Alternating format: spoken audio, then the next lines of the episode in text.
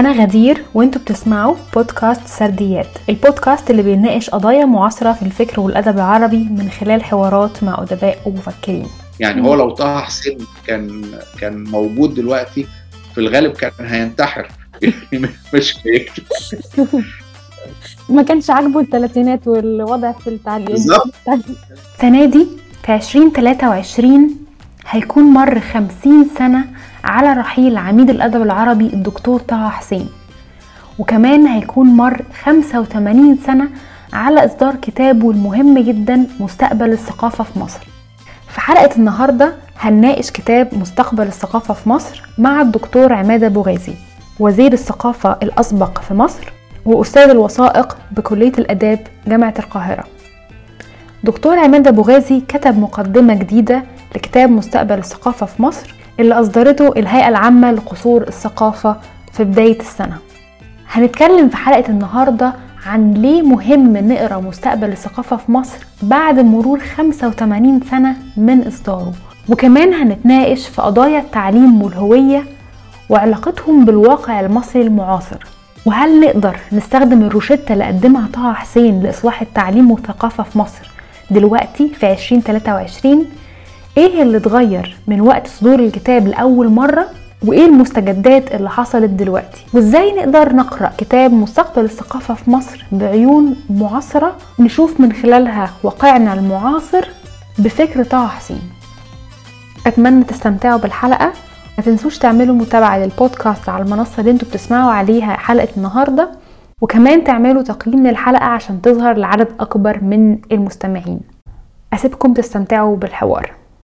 صباح الخير أو مساء الخير لكل الناس اللي بتسمع البودكاست أو بتتابع الحلقات على يوتيوب. آه، إحنا النهارده يعني يسعدني جدا ويشرفني إنه معانا دكتور عماد ابو غازي هنتكلم النهارده عن كتاب آه، مستقبل الثقافه في مصر بمناسبة صدور الطبعه الجديده للكتاب من المجلس الأعلى لقصور الثقافة وبمناسبة الذكرى الخمسين لرحيل عميد الأدب العربي الدكتور طه حسين. آه، في البداية آه، برحب بحضرتك دكتور عماد وشكرا جدا آه، لمشاركة حضرتك النهاردة في بودكاست سرديات نورتنا. أهلا. أهلا بيكي وسعيد إن أنا معاكي. ويعني أتمنى نعمل حلقة مفيدة للناس. شكرا جزيلا لحضرتك. في مقدمة حضرتك للكتاب حضرتك أشرت لأكثر من نقطة هنتكلم عنها النهاردة. ولكن آه، أظن النقطة المحورية آه، والسؤال الأهم إحنا ليه ليه نقرأ مستقبل الثقافة في مصر للدكتور طه حسين دلوقتي برغم إن الكتاب صدر لأول مرة في الثلاثينات؟ آه، حضرتك أشرت لده في أكتر لأكتر من سبب بس لو إحنا نقدر ندي يعني نظرة عامة كده على إعادة طبع الكتاب وليه مهم إن إحنا نقرأه دلوقتي مرة ثانية طيب هو الكتاب صدر للمرة الأولى سنة 1938 والكتاب آه، يعني لسنوات طويلة ما أعدش طبعه يعني صدر سنة 38 ووقتها أثار ضجة آه، ونقاشات واسعة آه، ركزت على جزء صغير جدا من الكتاب اللي هو متعلق بهوية مصر وعلاقتها بعالم البحر المتوسط أو انتمائها الثقافي.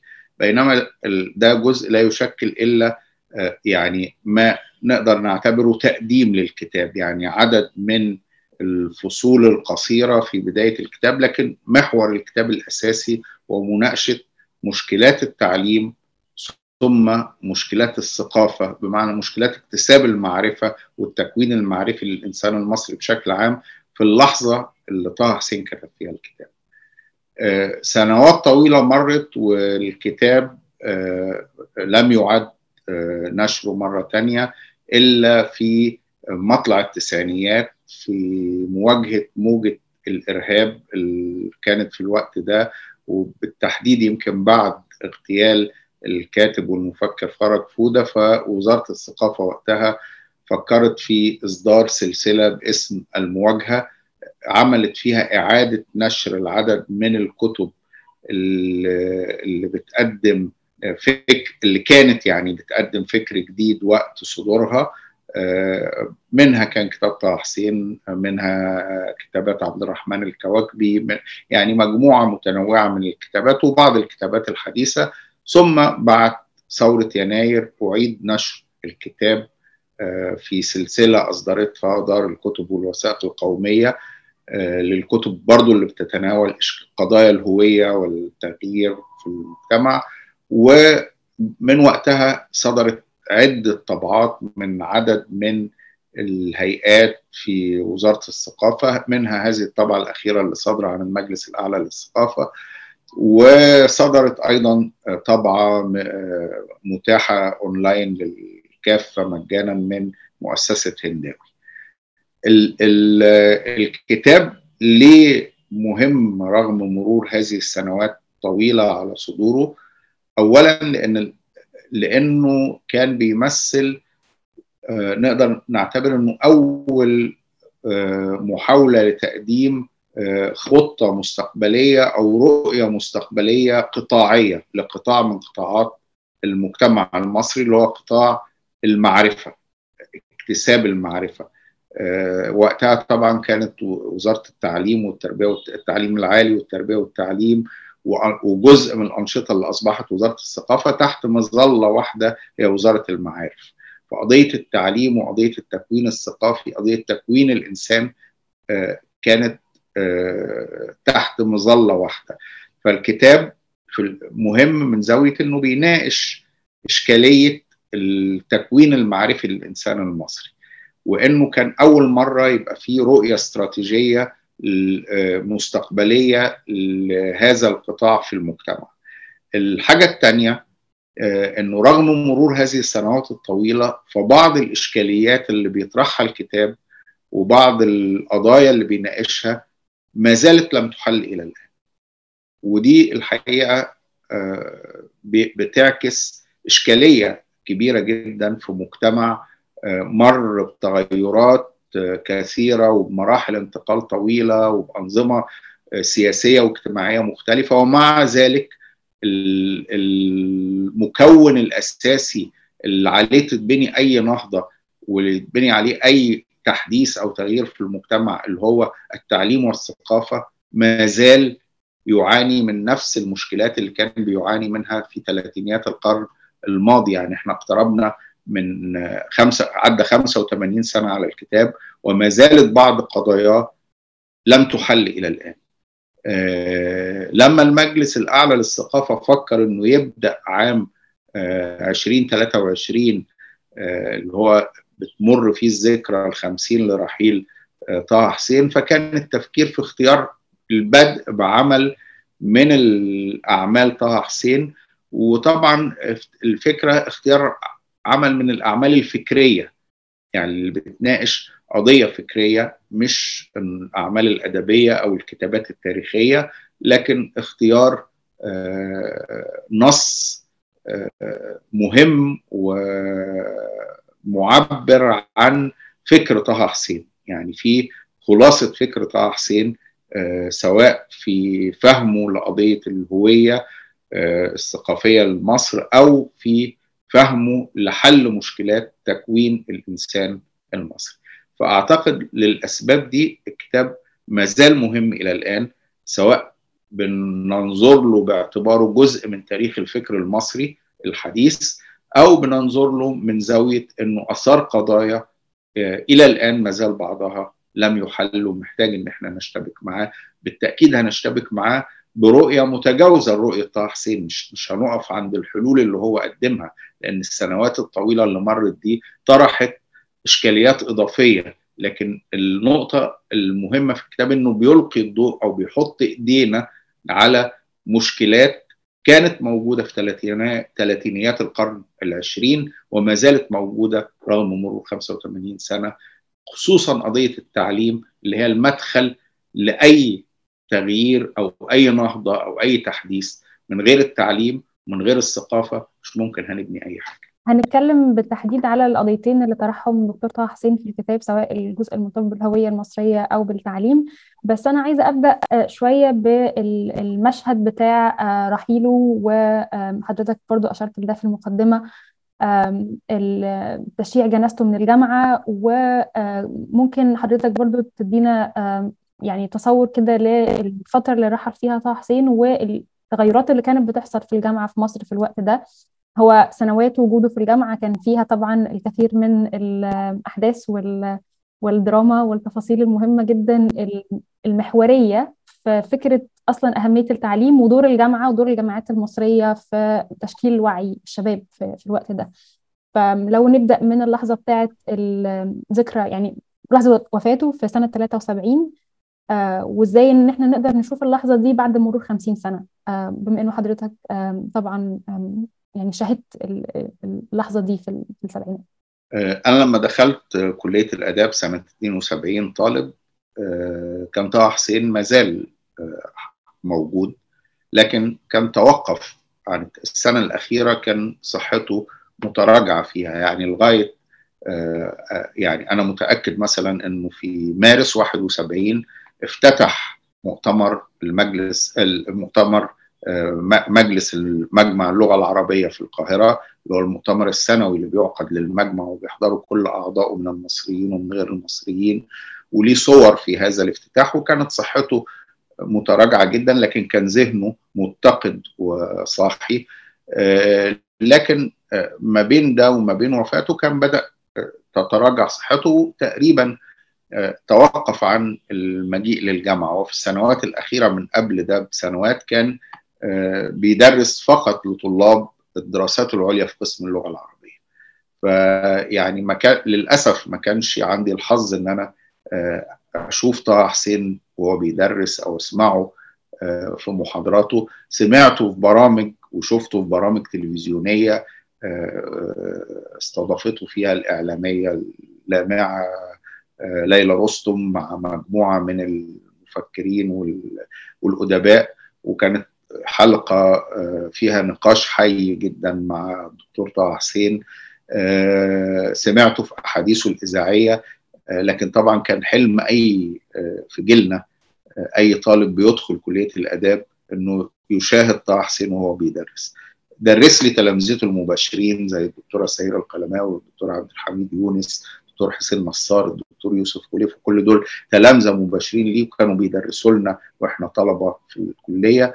لكن للأسف ما حضر لكن يوم وفاته كانت في يعني عز حرب أكتوبر آه 73 آه كان العبور تحقق لكن كمان كانت الثغرة بدأت وكان آه يعني حدث قبل وفاته بأيام صمود مدينة السويس ونجاحها في كسر محاولة القوات الإسرائيلية لاقتحام المدينة اللي هو اليوم اللي بنحتفل بيه لغاية النهارده كعيد قومي لمدينة السويس فهو مات في أجواء مشحونة نفسيا وعاطفيا و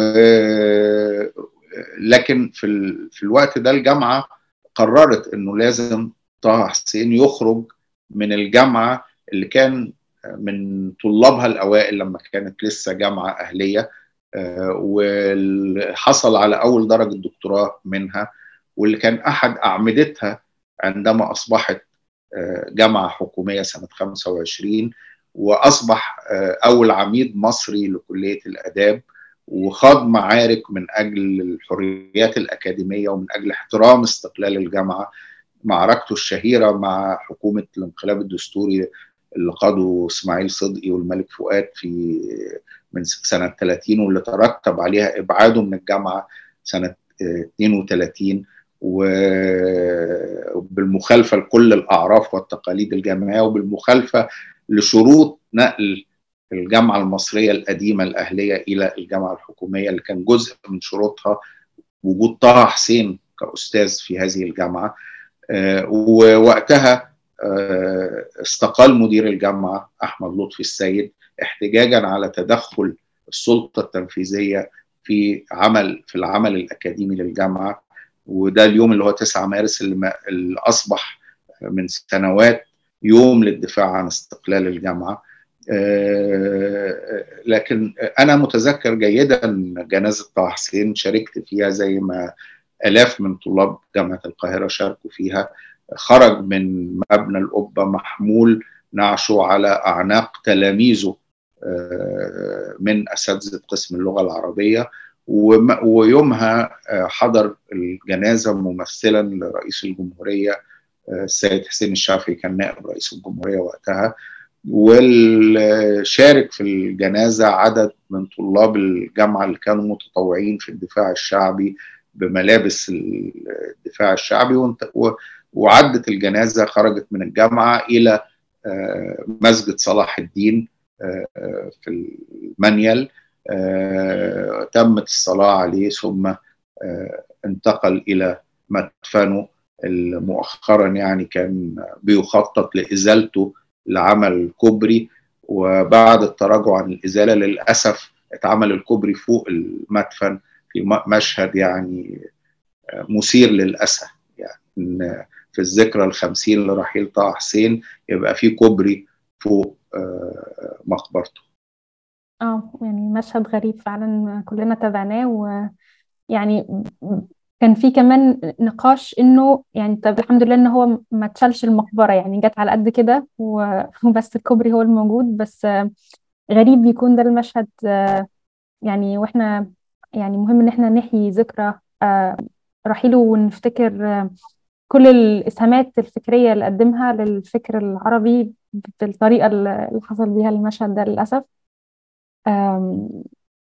أنا سؤالي اللي بعد كده مرتبط بالسياق بتاع الكتاب. حضرتك أشرت في المقدمة السياق التاريخي اللي كتب فيه الكتاب ده وتأثيره على القضايا اللي طرحها الكتاب سواء الجزء المرتبط باستقلال مصر من الاحتلال وقتها وكمان الصراعات الدستورية بالاحتلال كل كل السياق ده أثر بالتأكيد على القضايا اللي طرحها الكتاب وخاصة القضية المرتبطة بالهوية القومية وهوية مصر. السؤال مطروح من أظن من العشرينات أو من قبل كده كمان بدأ طرحه في الفكر المصري.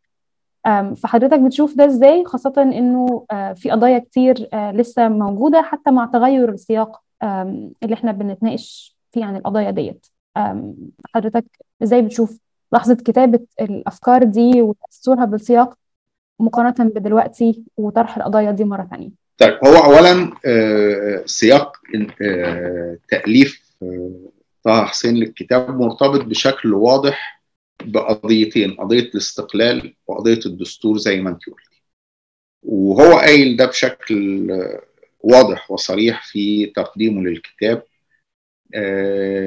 الكتاب صدر سنة 38 في نهاية سنة 38 لكن الفكرة كما قال طه حسين في تقديمه بدأت مع توقيع معاهدة 36 معاهدة 36 نقلت استقلال مصر السياسي نقلة مهمة إلى الأمام.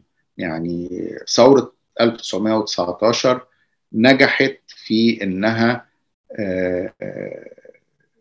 تنقل القضية المصرية إلى نقطة جديدة ونجحت في إنها تحقق انتصارات بالنقط مش بالضربة القاضية. يعني لو خدنا لغة الرياضة فهي الخطوة الأولى من هذه الثورة اللي استمرت لخمس سنوات يعني إحنا بنقول ثورة 19 لأن الأحداث اللي بدأت يعني المظاهرات والاحتجاجات بدأت في 9 مارس 19 لكن بالفعل الحدث الثوري بدايته بدأت في 13 نوفمبر 18 ونهايته كانت بإجراء الانتخابات البرلمانية في نهاية عام 23 وتشكيل حكومة الشعب أو حكومة حزب الوفد اللي رأسها سعد الزغلول المرة الأولى والأخيرة اللي رأس فيها الحكومة في يناير 24 في الخلال ده نجحت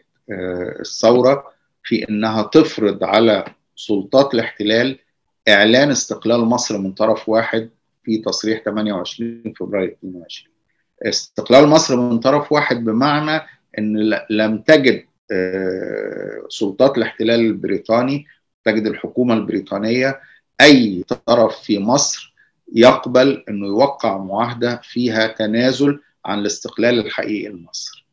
ومن ناحية تانية الحالة الثورية اللي في الشارع بترغم إنجلترا إنها تقدم شيء. فكان هذا هو الحل الوحيد قصادها إنها تعلن استقلال مصر وتحولها إلى مملكة مستقلة وحقها في إنها تصدر دستور مع وضع أربع تحفظات على هذا الاستقلال تكون محل للمفاوضات ودي كانت خطوة مهمة إن مصر أصبح ليها كيان دولي معترف به وأصبح عندها دستور وأصبح والغيت الأحكام العرفية وبدأ يبقى في وضع مختلف من وقتها بدأت مفاوضات أخرى كانت دايما بتنتهي بالفشل إلى أن حدث يعني ما يمكن أن نسميه أخطر انقلاب دستوري في تاريخ الفترة شبه الليبرالية اللي هو انقلاب فؤاد صدقي سنة 30 واللي استمر لمدة خمس سنوات تعطل فيه دستور 23 في الأول ثم ألغي حل محله دستور 30 اللي هو كان بيركز السلطة في إيد الملك والحكومة على حساب البرلمان واستمرت برضه حالة ثورية أخرى لمدة خمس سنوات من مقاومة هذا الانقلاب الدستوري انتهت بثورة الشباب في نوفمبر 35 ثورة طلاب الجامعة المصرية اللي نجحوا في إسقاط الانقلاب الدستوري وارغام فؤاد على إعادة العمل بدستور 23 وإجراء انتخابات غير مزوره أو انتخابات حره فاز فيها الوفد كالعاده باكتساح وشكل جبهه وطنيه للدخول في مفاوضات مع الانجليز. نجحت هذه المفاوضات في الوصول لمعاهده 36 اللي نقلت الاستقلال خطوه ثانية كبيره لقدام اصبحت مصر عضو في عصبه الامم اللي هي التنظيم الدولي اللي كان موجود بين الحربين اللي هو ما يقابل الامم المتحده النهارده اكتمل الاعتراف الدولي والتمثيل الدبلوماسي لمصر في الخارج وقبولها لسفراء دول العالم. ألغيت الامتيازات الأجنبية ودي كانت نقطة مهمة جدا بمعنى إن الأجانب والمصريين أصبحوا يعاملوا أمام القانون المصري سواء وألغيت المحاكم المختلطة اللي هي كانت بتنظر في القضايا اللي أحد أطرافها أجنبي والطرف الآخر مصري وكان قضاتها خليط من الأجانب والمصريين. يعني ففي خطوات مهمة اتحققت في طريق الاستقلال وظلت مشكلة القاعدة العسكرية في قناة السويس ومشكلة السودان والموقف منها اللي ظلت معلقة إلى أن تم توقيع معاهدة الجلاء في 1954 فهنا أصبح في العرف العام إن أصبحت مصر مستقلة. الموظفين الأجانب والمستشارين الأجانب اللي موجودين في الوزارات بينتهي وجودهم.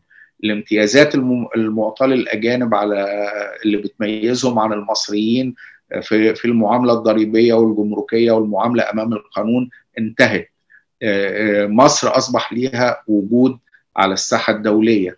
كل ده كان بيضع سؤال أمام الأجيال الجديدة اللي موجودة وقتها طيب إيه إيه هنعمل إيه؟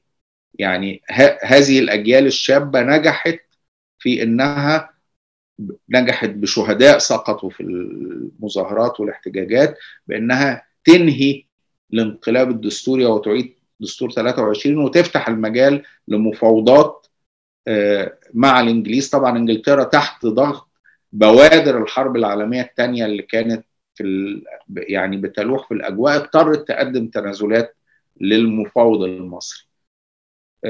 فهنا كان سؤال الشباب والسؤال كان في محاضرة في الجامعة الأمريكية في الموسم الثقافي للجامعة الأمريكية. مجموعة من الشباب طرحوا السؤال ده على طه حسين هو شاف إنه أجاب إجابة مختصرة وموجزه وإنها لا ترضي وإنه محتاج يقدم إجابة شافيه. في نفس الوقت هو سافر في سنة 37 لمؤتمرين دوليين في باريس خاصين بالتعليم وبالثقافة. وفكر إنه بدل ما يعني يكتفي بالعرف المعتاد إن اللي بيمثل مصر في المؤتمر يرجع يقدم تقرير للحكومة فإن هو بدل ما يعمل التقرير اللي هيترمي في الأدراج ومحدش هيقراه أو يستفيد بيه إنه يحوله إلى كتاب عام قد يقرأه المسؤولين أو لا يقراه لكن على الأقل هيبقى متاح في إيد الناس. وقرر إنه يفتح الكتاب ده بانه يثير مشكلة الهوية. إحنا مين؟ قضية الهوية مطروحة من القرن ال19 من أول ما أصبح شعار مصر للمصريين شعار ناظم للحركة الوطنية وللنضال الديمقراطي في مصر في النصف الثاني من القرن ال19 ثم ترسخ هذا الشعار وأصبح شعار أساسي مع ثورة ال19 مصر للمصريين يعني إحنا بنسأل الهوية إيه؟ إحنا جزء من هذا العالم العثماني اللي كان موجود طبعا سنة 36 كان انتهى بس ده السؤال اللي كان مطروح. إحنا مجرد تابعين لدولة في الغرب. إحنا إحنا إيه بالظبط؟ فطه حسين بيحاول يناقش هذه الإشكالية. هو بيحاول يناقشها مناقشة تاريخية بترجع للخلف وبيشوف العقل المصري والفكر المصري هو أقرب لإيه؟ هل هو أقرب للفكر الشرقي أم لثقافة حوض البحر المتوسط؟ وبينتهي لأن مصر جزء من عالم البحر المتوسط ودي فكرة كانت مترددة كثيرا في هذه الفترة مش عند طه حسين بس عند طه حسين وعدد من مفكري هذا الجيل إن ده إن إحنا جزء من عالم البحر المتوسط. طه حسين بيوصل لأبعد من كده إن حتى الثقافة المسيحية والثقافة الإسلامية اللي نشأوا في هذه المنطقة هم جزء من ثقافة عالم البحر المتوسط.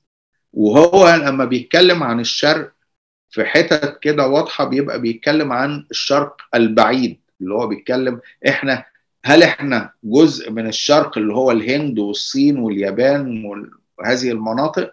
ولا إحنا تفكيرنا مختلف عن هذه الثقافات. لأن كان في في الوقت ده مشروع مطروح بعد سقوط مشروع مشروع الجامعة الإسلامية وهو مشروع الرابطة الشرقية. إن إن شعوب الشرق في مواجهة الغرب. ودايما كان من بداية حتى القرن العشرين لما اليابان انتصرت على روسيا في الحرب الروسية اليابانية 1905 فمصطفى كامل كتب كتابه الشمس المشرقة وكان شايف إن اليابان دي نموذج ينبغي أن نحتذيه وابتدى يبقى هذا النموذج النماذج الشرقية دي يعني كأنها نماذج ملهمة لقطاع من المفكرين. فكانت معركة طه حسين مع مع ده. إن إحنا جزء من هذا العالم اللي هو القريب جدا مننا اللي هو عالم البحر المتوسط إن الحضارة اليونانية وحضارات مصر وفينيقيا والبلاد الرافدين هي قريبة لبعض أكتر. ان ان إن حتى الثقافة الأوروبية الحديثة إحنا بنمارسها في حياتنا وهو بيطرح أسئلة على اللي بيعترضوا على الفكرة دي. طب أنتوا في سلوككم اليومي في حياتكم أنتوا بتمارسوا نفس السلوك الغربي. طب أنتوا ليه عاوزين تبقوا مش فيه؟ فده ده ده الجزء الخاص بالهوية والجزء اللي اثار المعارك والانتقادات للكتاب والمناقشات حواليه بينما ترك المعاصرين لصدور الكتاب الأجزاء الأهم واللي كانت بالفعل بتطرح إشكاليات جوهرية فيما يتعلق بعملية التعليم وبإنتاج الثقافة وبعلاقة الدولة بالتعليم وبالثقافة. قبل ما ننتقل للجزء بتاع التعليم عندي سؤال أخير في في الجزء المرتبط بالهوية بما إن هو سؤال متجدد باستمرار وطول الوقت كل فترة بيتم إثارته بأشكال مختلفة وبأبعاد مختلفة وأظن الفترة الحالية السؤال الأهم في الجزء ده مرتبط بالمكون الأفريقي ف يعني هوية هوية مصر والجدال الكبير على الحركات حتى عالميا اللي بتسعى لتسليط الضوء على الحضارات الأفريقية في مقابل يعني دورها تاريخيا والجدال حوالين الأفروسنترزم وكل ال كل ال النقاشات دي. حضرتك بتشوف ده إزاي في سياق الكلام اللي قاله طه حسين خاصة إن هو بيتكلم على هوية مصر كجزء من عالم البحر المتوسط. وما أظنش إن هو تطرق لابعاد أخرى وجوانب أخرى على على ما أتذكر أظن. المكونات والروافد المختلفة للهوية المصرية إزاي هو كان بيشوفها وإزاي إن إحنا نقدر نفهم ده في, السياق اللي قاله طه حسين. وسؤال تاني هل إحنا ممكن نوصل لمرحلة إن إحنا السؤال ده يعني يتم حسمه والإجابة عليه ولا هيفضل طول الوقت بيتجدد باستمرار بأشكال مختلفة وبطرق مختلفة؟ هبدأ من السؤال الثاني وأرجع للسؤال الأولاني. يعني أنا رأيي إن, إن الإلحاح في طرح السؤال هو تعبير عن أزمة. فيش مجتمع بيقول انه عنده حضارة ممتدة ل 7000 سنة ولسه بيدور على هويته. الحقيقة في مشكلة في في في الموضوع ده. يعني لو إحنا مش عارفين هويتنا إيه يبقى الحقيقة إحنا عندنا وأنا اظن ان في بعض الاحيان السؤال بيبقى مفتعل وانه مجرد فراغ واعادة انتاج لأسئلة قديمة المفروض إن الزمن تجاوزها. مفيش أي حضارة أو ثقافة منعزلة عن الثقافات الأخرى المحيطة بها لو خدنا تاريخيا مصر. هي تراكم للاحتكاك بثقافات وحضارات مختلفة. مصر جزء من القارة الأفريقية بالتأكيد. وفي مكونات أفريقية في ثقافتنا وفي بعض حتى الممارسات والعادات اللي موجودة هنلاقيها مشتركة مع القارة الأفريقية. وهي تأثير ليها أكتر ما هي تأثير لأي حاجة تانية. فالموضوع يعني يعني إحنا بن بنثير مشكلات وبنبالغ وبنعمل ردود فعل يعني بلا معنى يعني والموضوع أصلا يعني حتى فكرة المركزية الأفريقية مطروحة من سنوات طويلة بس إيه إيه اللي بيصحي ده دلوقتي؟ يعني في تقديري إن الناس يعني عاجزه عن مواجهة مشكلاتها الحقيقية فبتحط بعدو وهمي كده وتبدأ تشتبك معاه وتدخل معاه في خناقات وتعتبر إنها حققت انتصارات لكن هي انتصارات في الوهمية كلها. إن أنا أمنع مغني إنه يجي يغني أو إن أنا أعمل جدل حوالين فيلم فيغيره أو أعمل فيلم مضاد ممكن يبقى الفيلمين أتفه من بعض. يعني موضوع يعني يعني فعلا يعني دي في رأيي إنها إشكاليات بتبعدنا عن مشكلاتنا الحقيقية اللي المفروض نواجهها. عجزنا عن مواجهة مشكلاتنا. بنحط عدو وهمي ونبدأ نتخانق معاه. يعني شيخ أنتي ديوب كتب كتاباته من 50 سنة ولا أكثر حوالين المركزية الأفريقية. مارتن برنال اللي هو مش أفريقي يعني هو إحنا بنحب البيض يعني ما يعني في في الحقيقة حاجة عنصرية في كلامنا في الموضوع. مارتن برنال هو صاحب التراث المسروق وأثينا السوداء اللي بيتكلم عن إن الحضارة الأوروبية هي متاخدة من هنا يعني. فكل دي أفكار قبل للنقاش يعني موضوعات نناقشها من غير الحمقى والعصبية والتحزب وإن إحنا نعملها مشكلة كبيرة ومجالها الحقيقة المناقشة هو المناقشة الأكاديمية مش السوشيال ميديا. بس يعني يعني السؤال شكله هيفضل مطول شوية معانا وهنفضل نرجع له كل شوية. للأسف للأسف. طيب الجزء التاني بقى اللي اتكلم عنه طه حسين هو التعليم وزي ما حضرتك أشرت هو مش بيلقى نفس الاهتمام يعني مقارنة بالموضوع الخاص بالهوية المصرية. وهو كان بيشير لفكرة علاقة التعليم بقى بالديمقراطية وبإنه باستقلال مصر طبعا وكمان فكرة العدالة الاجتماعية في التعليم. وزي ما إحنا كنا بنتكلم في البداية إنه في قضايا كتير لسه موجودة حتى الآن إنه برضو للأسف قضية زي التعليم آه لسه ما تمش آه حسمها حتى الآن وفي إشكاليات كتيرة مرتبطة بيها. آه جايز تبقى نفس الإشكاليات اللي طرحها طه حسين وبعض بقى الإشكاليات التانية اللي ليها علاقة بإصلاح التعليم المنظومة التعليمية وضعها إيه دلوقتي وفكرة العدالة الاجتماعية خاصة في التغيرات السريعة جدا اللي بتحصل في التعليم سواء التعليم قبل الجامعة أو مرحلة التعليم الجامعي. فازاي حضرتك بتشوف ده؟ وإيه اللي إحنا نقدر نقول اتغير في الإشكاليات المرتبطة بالتعليم إذا كان في حاجة اتغيرت؟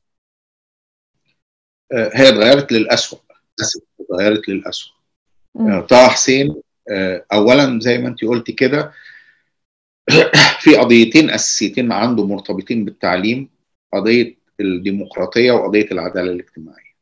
قضية الديمقراطية بمعنى إن هو شايف مش ممكن يبقى الديمقراطية تكتمل أركانها إلا بالتعليم. يعني لما يبقى ال... ال... ودي نظرة يعني أصولها عند طه حسين راجعة لجذوره وارتباطه بجماعة حزب الأمة. في بداية القرن العشرين لطفي السيد ومجموعة حزب الأمة اللي كانوا شايفين فكرة يعني إن الاستقلال الحقيقي مش هيتحقق غير ب إن يبقى في تكوين سليم للمواطن المصري. يعني هم طبعا أصلا فكرة يعني هم متبنين الفكرة المصرية في مواجهة الجامعة الإسلامية عند مصطفى كامل أو الرابطة العثمانية عند مصطفى كامل لكن متبنين كمان إن إن عشان الاستقلال يتحقق بشكل حقيقي لازم يبقى في تعليم حقيقي. آه فهو طه حسين امتداد للتيار ده أو للمدرسة دي اللي هي برضه امتداد لمدرسة الشيخ محمد عبده. آه اللي كان برضه شايف فكرة الإصلاح آه مدخل. طبعا محمد عبده عنده مرحلة ثورية شارك في الثورة العربية واتسجن واتنفى بسببها. لكن هو مر يعني بمراحل متعددة وانتهى كواحد إصلاحي بيدعو لل... للارتقاء بالتعليم. فهو طه حسين امتداد لهذا لهذا التيار. ويشوف إن التعليم مدخل أساسي لتحقيق الاستقلال للحفاظ على الاستقلال. إن موضوع إن إحنا نحصل على الاستقلال سهل.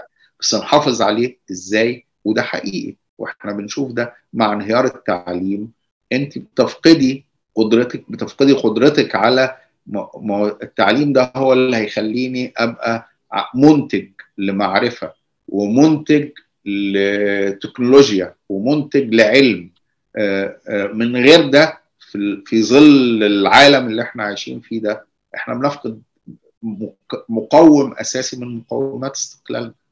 لما يبقى اعتمادنا الأساسي في فيما نأكل ونشرب ونرتدي و ونعيش بيه هو جاي من الخارج لأننا ما بننتجوش لأن ما عندناش القدرة أو المعرفة لكيفية إنتاجه. يبقى عدد الاختراعات المسجل عندنا قد إيه في مجتمع فيه 110 مليون مواطن؟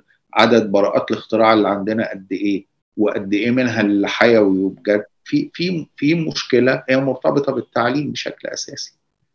ال ال في نفس الوقت ال هو بيشوف إن التعليم هو السياج والضمان للحفاظ على الديمقراطية وإن غياب التعليم هو اللي بيسمح بانتهاك السلطة لحريات الناس وللديمقراطية.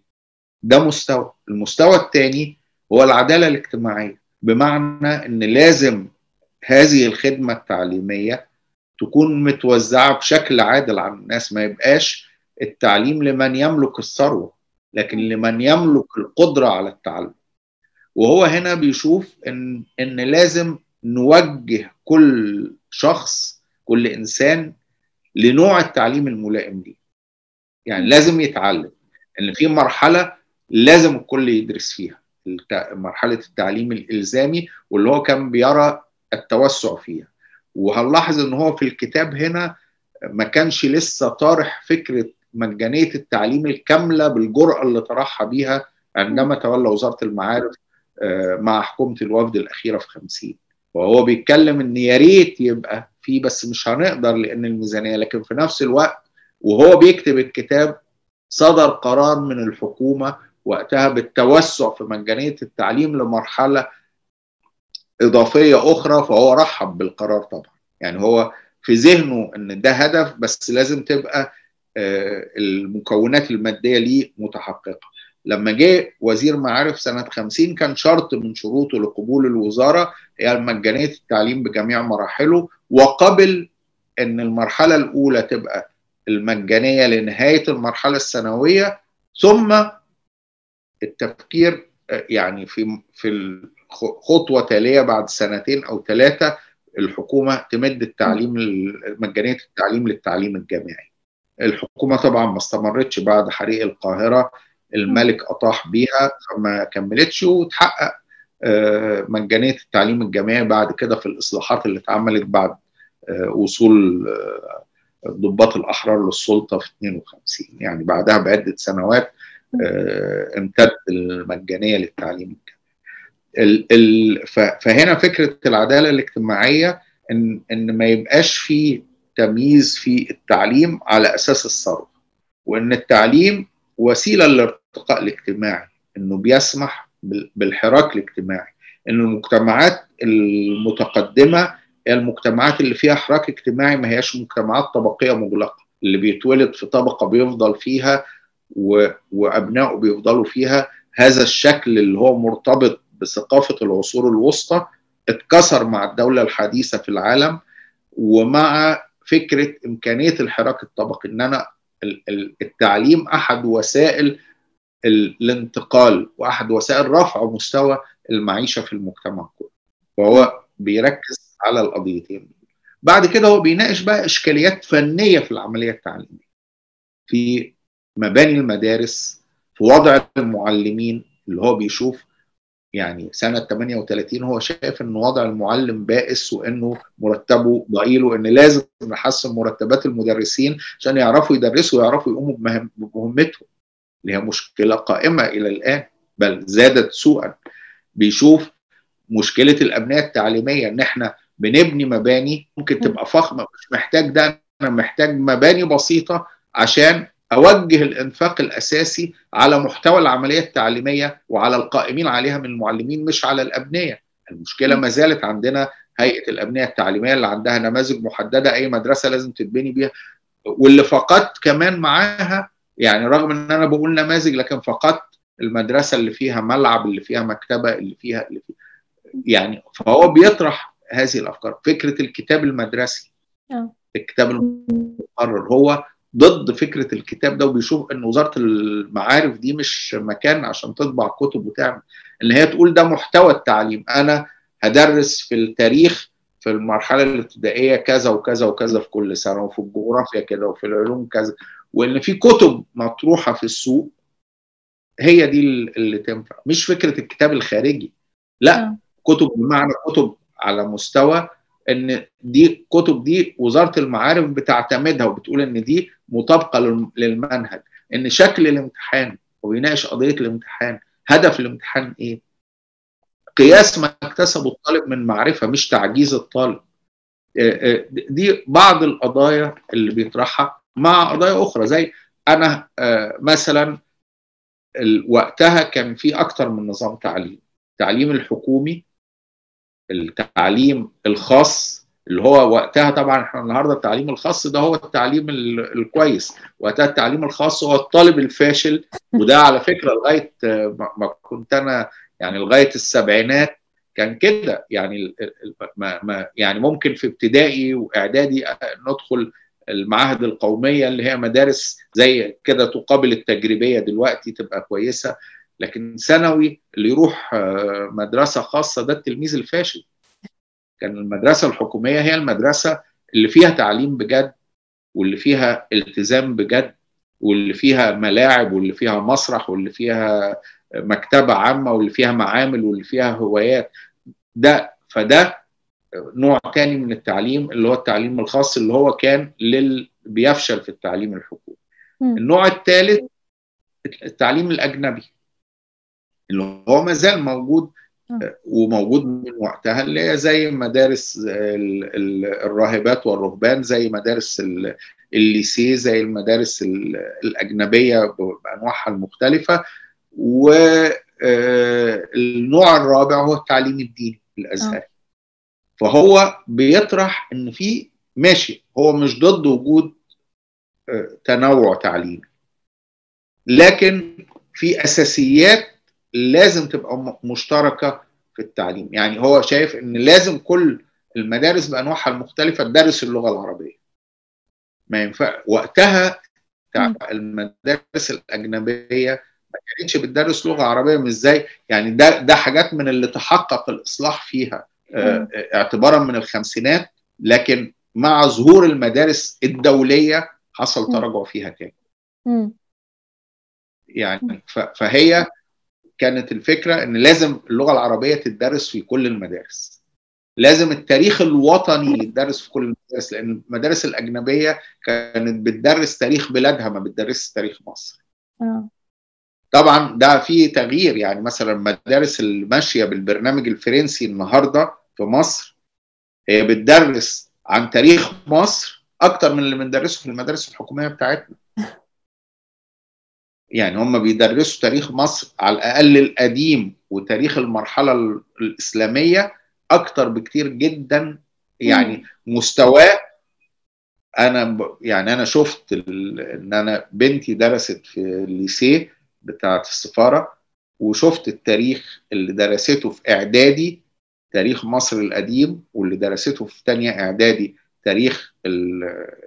فترة العصور الوسطى بما فيها العالم الإسلامي مستوى لا يقل عن أنا درسته في الجامعة في قسم تاريخ.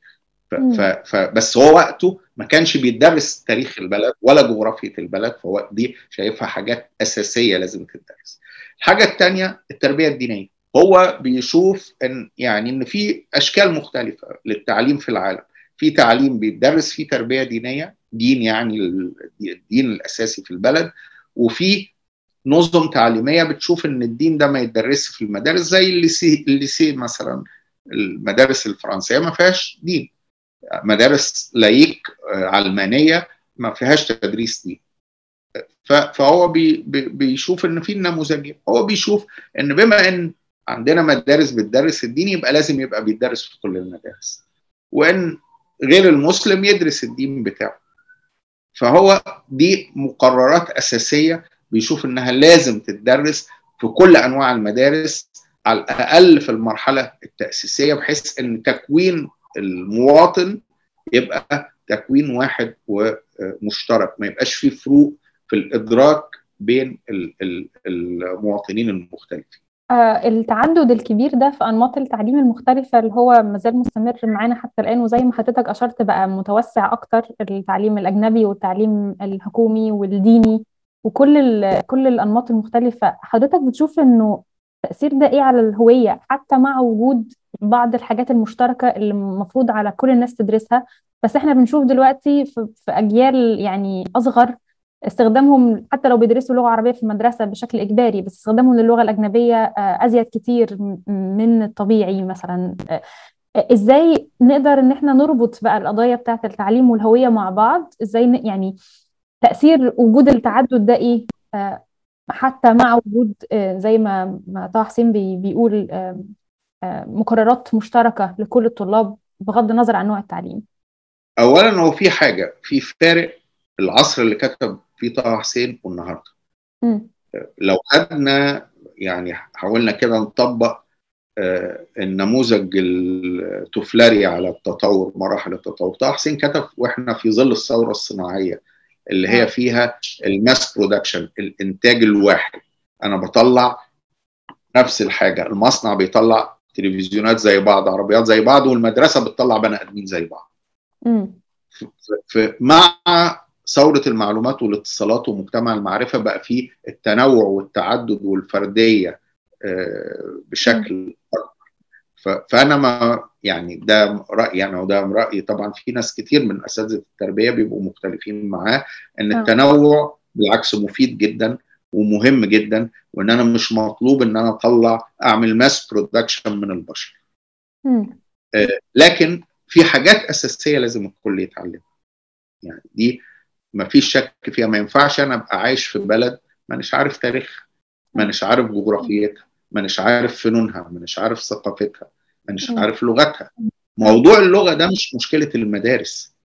المدارس يعني أنا برضو هدي مثل من تجربة الليسيه مقرر اللغة العربية اللي في ثانوي عندهم اللي هو لغة بيعتبروها لغة أجنبية يعني. أوه. ممتع وجاذب أكتر من مقررات اللغة العربية اللي عندنا. في مدارسنا إحنا النهارده عندنا مشكلة إن موجهين الأوائل وبيألفوا كتب روايات ويقرروها على الطلبة ويسيبوا بدل ما درس نجيب محفوظ ولا درس طه حسين ولا درس يحيى حقي ولا درس إبراهيم أصلان ولا درس إبراهيم عبد المجيد ولا در بدا ولا جمال الغيطاني بدرس آه كلام هراء. يعني ما, ما لا يصلح لل يعني لتكوين ال الإنسان. في نفس الوقت في مشكلة خاصة بالأسر نفسها بقى. يعني يعني هو مين اللي بيخلي الطفل في البيت يتكلم إنجليزي أو فرنساوي؟ إحنا بنرجع تاني للوضع اللي كان موجود في قرن ال 19 وال 20 لما الأرستقراطية المصرية مقسومة اثنين أرستقراطية ذات أصول تركية وجركسية فبيتكلموا في البيت تركي والعربي ده لغة الخدم والعوام. وأرستقراطية متأثرة بالثقافة الغربية فبيتكلموا في البيت فرنساوي مش إنجليزي طبعا فرنساوي لأنه كان في مواجهة الاحتلال فلغة الأجنبية بتاعتنا هي الفرنسية. حتى لغة الإدارة في الحكومة إحنا لغاية التسعينيات من القرن اللي فات كانت باسبوراتنا عربي فرنساوي مش عربي إنجليزي. لأن إحنا من وقت طبعا لأن البعثات من أيام محمد علي راحت فرنسا. فاحنا دولة فرانكوفونية بمعنى ما. كان المفروض يعني نستمر كده بس إحنا مع العولمة تأمركنا وتنجلزنا. فايه اللي إيه اللي يخلي أنا في البيت أخلي أتكلم مع عيالي بالفرنساوي أو مع بالإنجليزي؟ ما هو ما أنا اللي بعمل ده بحجة إن عشان لا هو المفروض يتعلم لغته الوطنية ويتعلم اللغات الأجنبية. ما كل جيل أهالينا كانوا متعلمين تعليم حكومي مصري وبيعرفوا لغة أو لغتين أجنبيتين بإجادة تامة بالتعليم الحكومي. ما كانش طه حسين يعني اللي هو كان طموحه إن نبقى أحسن كمان من كده. كل جيل جيل اللي اكبر مني جيل أهالينا يعني كان بي بي بيتقن الإنجليزية والفرنسية أو على الأقل لغة منهم إتقان كامل وهم خريجين مدارس مصرية وتعليم حكومي عام. فهي المشكلة أنا أعلم الولاد لغة أجنبية ده مهم جدا وضروري. ما ينفعش في العصر ده نعيش من غير لغات أجنبية لكن لازم يكون عارف لغته. فهي مش مشكلة التعليم مش هعيب على المدرسة الأجنبية اللي بتدرس لأن أنا ملزمهم دلوقتي بتعليم اللغة العربية. على فكرة تعليم اللغة العربية فيها أحسن من تعليم اللغة العربية في المناهج بتاعتنا الحكومية. مطلوب إن أنا أطور المناهج بتاعتي. مطلوب إن أنا أطور مناهج الدراسات الاجتماعية اللي هي زمان كانت مواد مستقلة تاريخ وجغرافيا وتربية وطنية كل مادة فيها كتاب. كمان مشكلة تانية هي تدخل الأهالي اللي بدأ من السبعينيات وطالع في العملية التعليمية بدعوى لا المناهج كتير لا ده كلام الحقيقة ما ده مش اختصاص الأهالي. وأعتقد إحنا شفنا الحملة اللي اتعملت على دكتور طارق شوقي بغض النظر هو يعني إن هو طموحه كان أعلى بكتير انه عاوز يطبق مرة واحدة والموضوع كان لازم يبدأ بشكل تدريجي يجرب في حتة لما ينجح يمشي. لكن في النهاية الأهالي بي بي بيتدخلوا في أمور لا تعنيهم. وهي المشكلة طبعا جاية منين؟ إن الأهالي اللي بقوا بيذاكروا للعيال. ايامينا ما إحنا كنا بنذاكر لوحدنا. يعني غير بقى إن ما بقاش في مدرسة. أوه. إن في ال center اللي التلامذه بيروحوا له. واللي ما تفهميش ليه حجة إن أصل الفصل كبير فما بنتعلمش. طب ما هو في المركز عدد الطلبة أكتر من اللي في الفصل. أضعاف. أضعاف. المدرس هو هو. يعني في في في مشكلة حقيقية في في العملية التعليميه يعني هو لو طه حسين كان كان موجود دلوقتي في الغالب كان هينتحر. مش هيكتب. ما كانش عاجبه الثلاثينات والوضع في التعليم. بالظبط. الثلاثينات اللي لما بشوف الكتب بتاعتها بتاعت أبويا وعماتي وأمي يعني بي بي كتاب عن القانون الروماني بيتدرس في ثانوي. كتاب قراءات تاريخية عامله طه حسين وأحمد أمين و ومحمد رفعت اللي هو كان وزير المعارف وهو أستاذ تاريخ يعني معاه جايبين فيه نصوص تاريخية قديمة قراءات حرة للطلبة. يعني يعني وما كانش عاجبه برضه يعني كل كل الحاجات والكارثة إن في متحف التعليم اللي في وزارة التربية والتعليم بيرموا الكتب القديمة ويقول لك إحنا بنحدث المكتبات بتاعتنا فبي ما تلاقي تروحي تدوري على التاريخ ده ممكن نلمه من من بيوتنا يعني اللي عنده محتفظ بكتب أهله وجدوده هيلاقي طيب ختاما أنا عندي سؤالين يعني إحنا أشرنا لحاجات كتير مرتبطة بالتعليم وبالهوية ورؤية طه حسين لده حضرتك بتشوف إزاي بقى دور الدولة وضع سياسات أو أو تنفيذها إلى أي مدى؟ يعني الدور من وجهة نظر حضرتك أمثل للدولة سواء في الثقافة أو في التعليم. لو لو حضرتك تدينا نظرة كده سريعة بناء على كل النقط اللي حضرتك أشرتها النهارده في القضيتين دول إزاي دور الدولة يكون أمثل عشان الرؤية دي تكون متحققة وتكون موجودة على أرض الواقع بشكل ناجح؟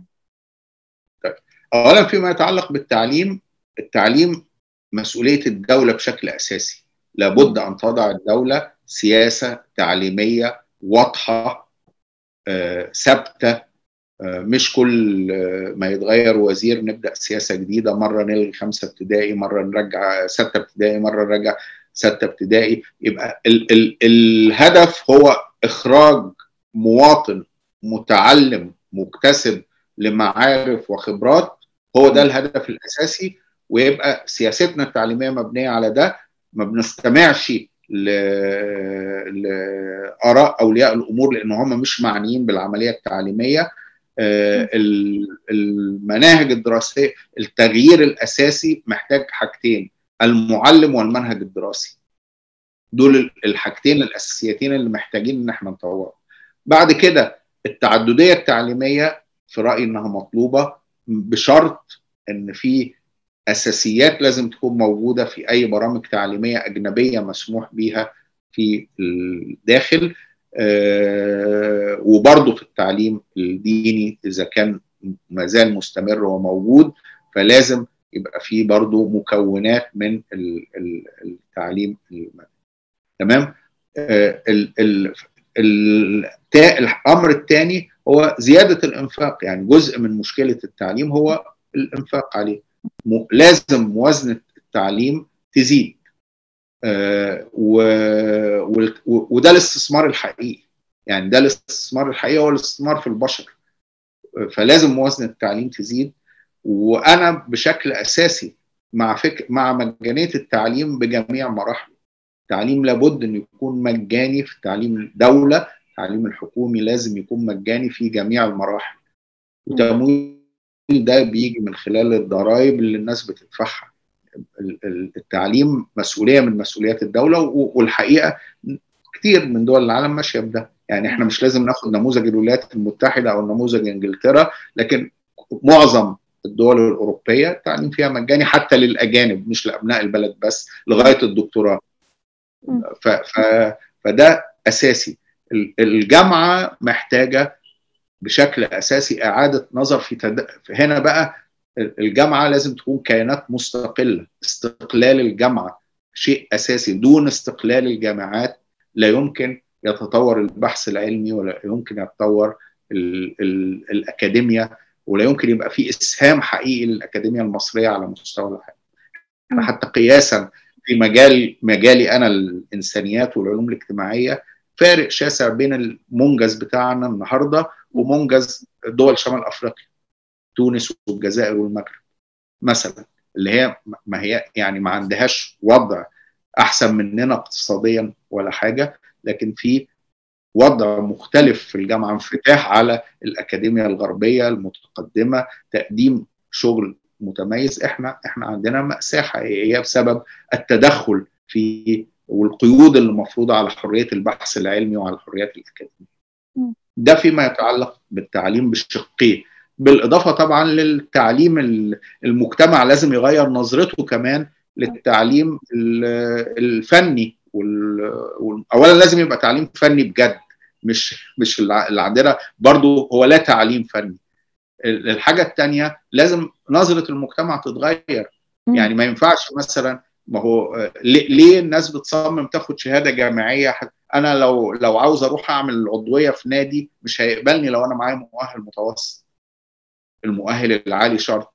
لو واحد معاه مؤهل متوسط ورايح يتقدم لواحدة معاها مؤهل عالي مش هيقبلوه أهلها. ما هو لازم كمان لازم نغير نظرة المجتمع اللي بتنظر بشكل رغم إن الفني ده ممكن يكون أكثر فهما وأكثر تعليما وأكثر فهي فهي المهم بس يبقى في تعليم فني فيما يتعلق بالثقافة دور الدولة في تقديري في الثقافة بيتركز في أمور محددة. اولا الحفاظ على التراث الثقافي وإتاحته. إتاحته. مش الحفاظ عليه إن أنا أقفل عليه وأمنعه عن الناس. التراث الثقافي من أول الآثار للمخطوطات للوثائق لتراث السينما المصرية للأعمال الفنية التشكيلية إلى آخره. وظيفة الدولة إنها تنشئ المؤسسات التي تحافظ على هذا التراث وتتيحه. الدور الثاني للدولة هي إتاحة النشاط الثقافي للناس ويمكن هيئه اصول الثقافة هي الجهة الأساسية اللي مسؤوله عن ده. وهنا بمعنى إتاحة ده للمواطنين لمن يرغب في ممارسة الإبداع والفن أو في تلقيه. الحاجة الثالثه هي دعم الصناعات الثقافية والإبداعية دعم العملية الإبداعية نفسها. دعمها من خلال توفير مناخ قانوني بيضمن حرية التعبير وحرية الإبداع وحرية ما يبقاش في قيود رقابية على الإبداع.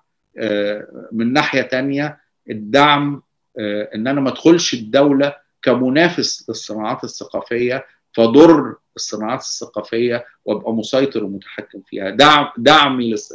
دي أنا عاوز أوفر الكتاب بسعر زهيد للناس أوفر الحق في المعرفة للناس مش إن أنا أدخل الدولة كناشر لا.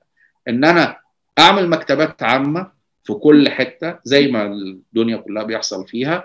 وإن أنا أدعم صناعة الكتاب والنشر بإعفاءات ضريبية وإعفاءات جمركية وإن أنا أعمل مشروعات زي مثلا مشروع مكتبة الأسرة اللي هو مشروع بمعنى ما ناجح جدا في إن أنا الكتاب اللي بيطبع غالي أعمل منه طبعات شعبية بدعم الناشر وبدعم القارئ زي ما اتعمل مشروع الألف كتاب في الخمسينات والستينات بنفس المنطق هو ده دور الدولة في الثقافة في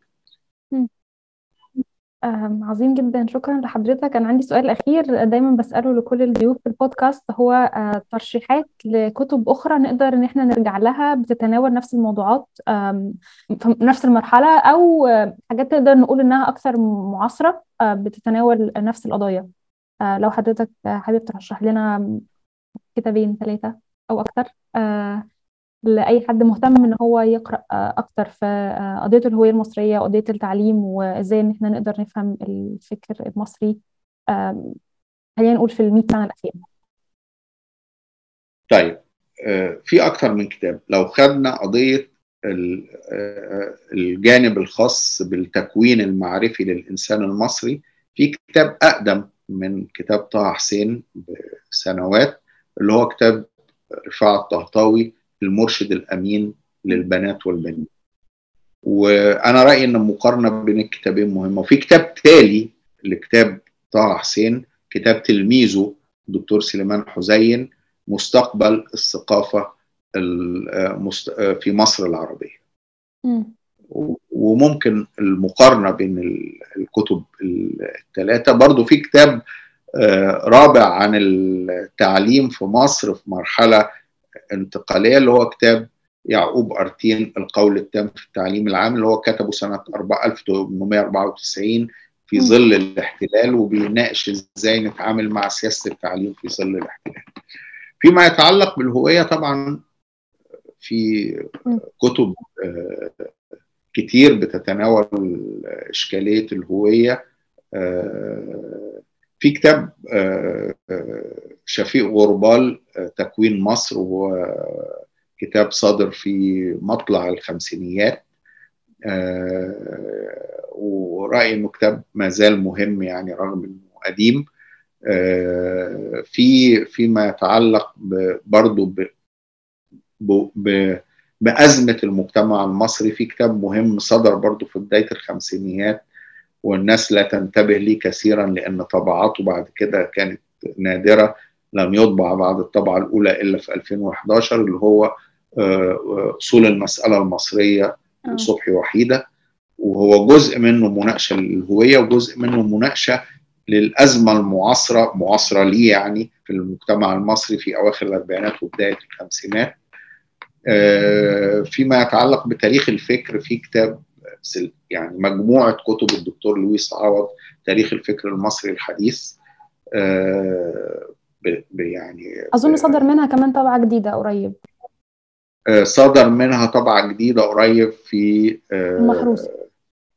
المحروسة بالظبط. المحروسة. يعني دي يمكن بعض الكتب اللي في بالي دي ترشيحات عظيمة جدا. شكرا جدا لحضرتك واستمتعت جدا بحوار مع حضرتك النهاردة ونورت البودكاست والقناة شكرا. شكرا لك شكرا لك شكرا لاستماعكم لبودكاست سرديات. ما تنسوش تعملوا متابعة لصفحة سرديات بودكاست على إنستجرام وصفحة غدير ريدز على إنستجرام ويوتيوب. كنت معاكم غدير حسين.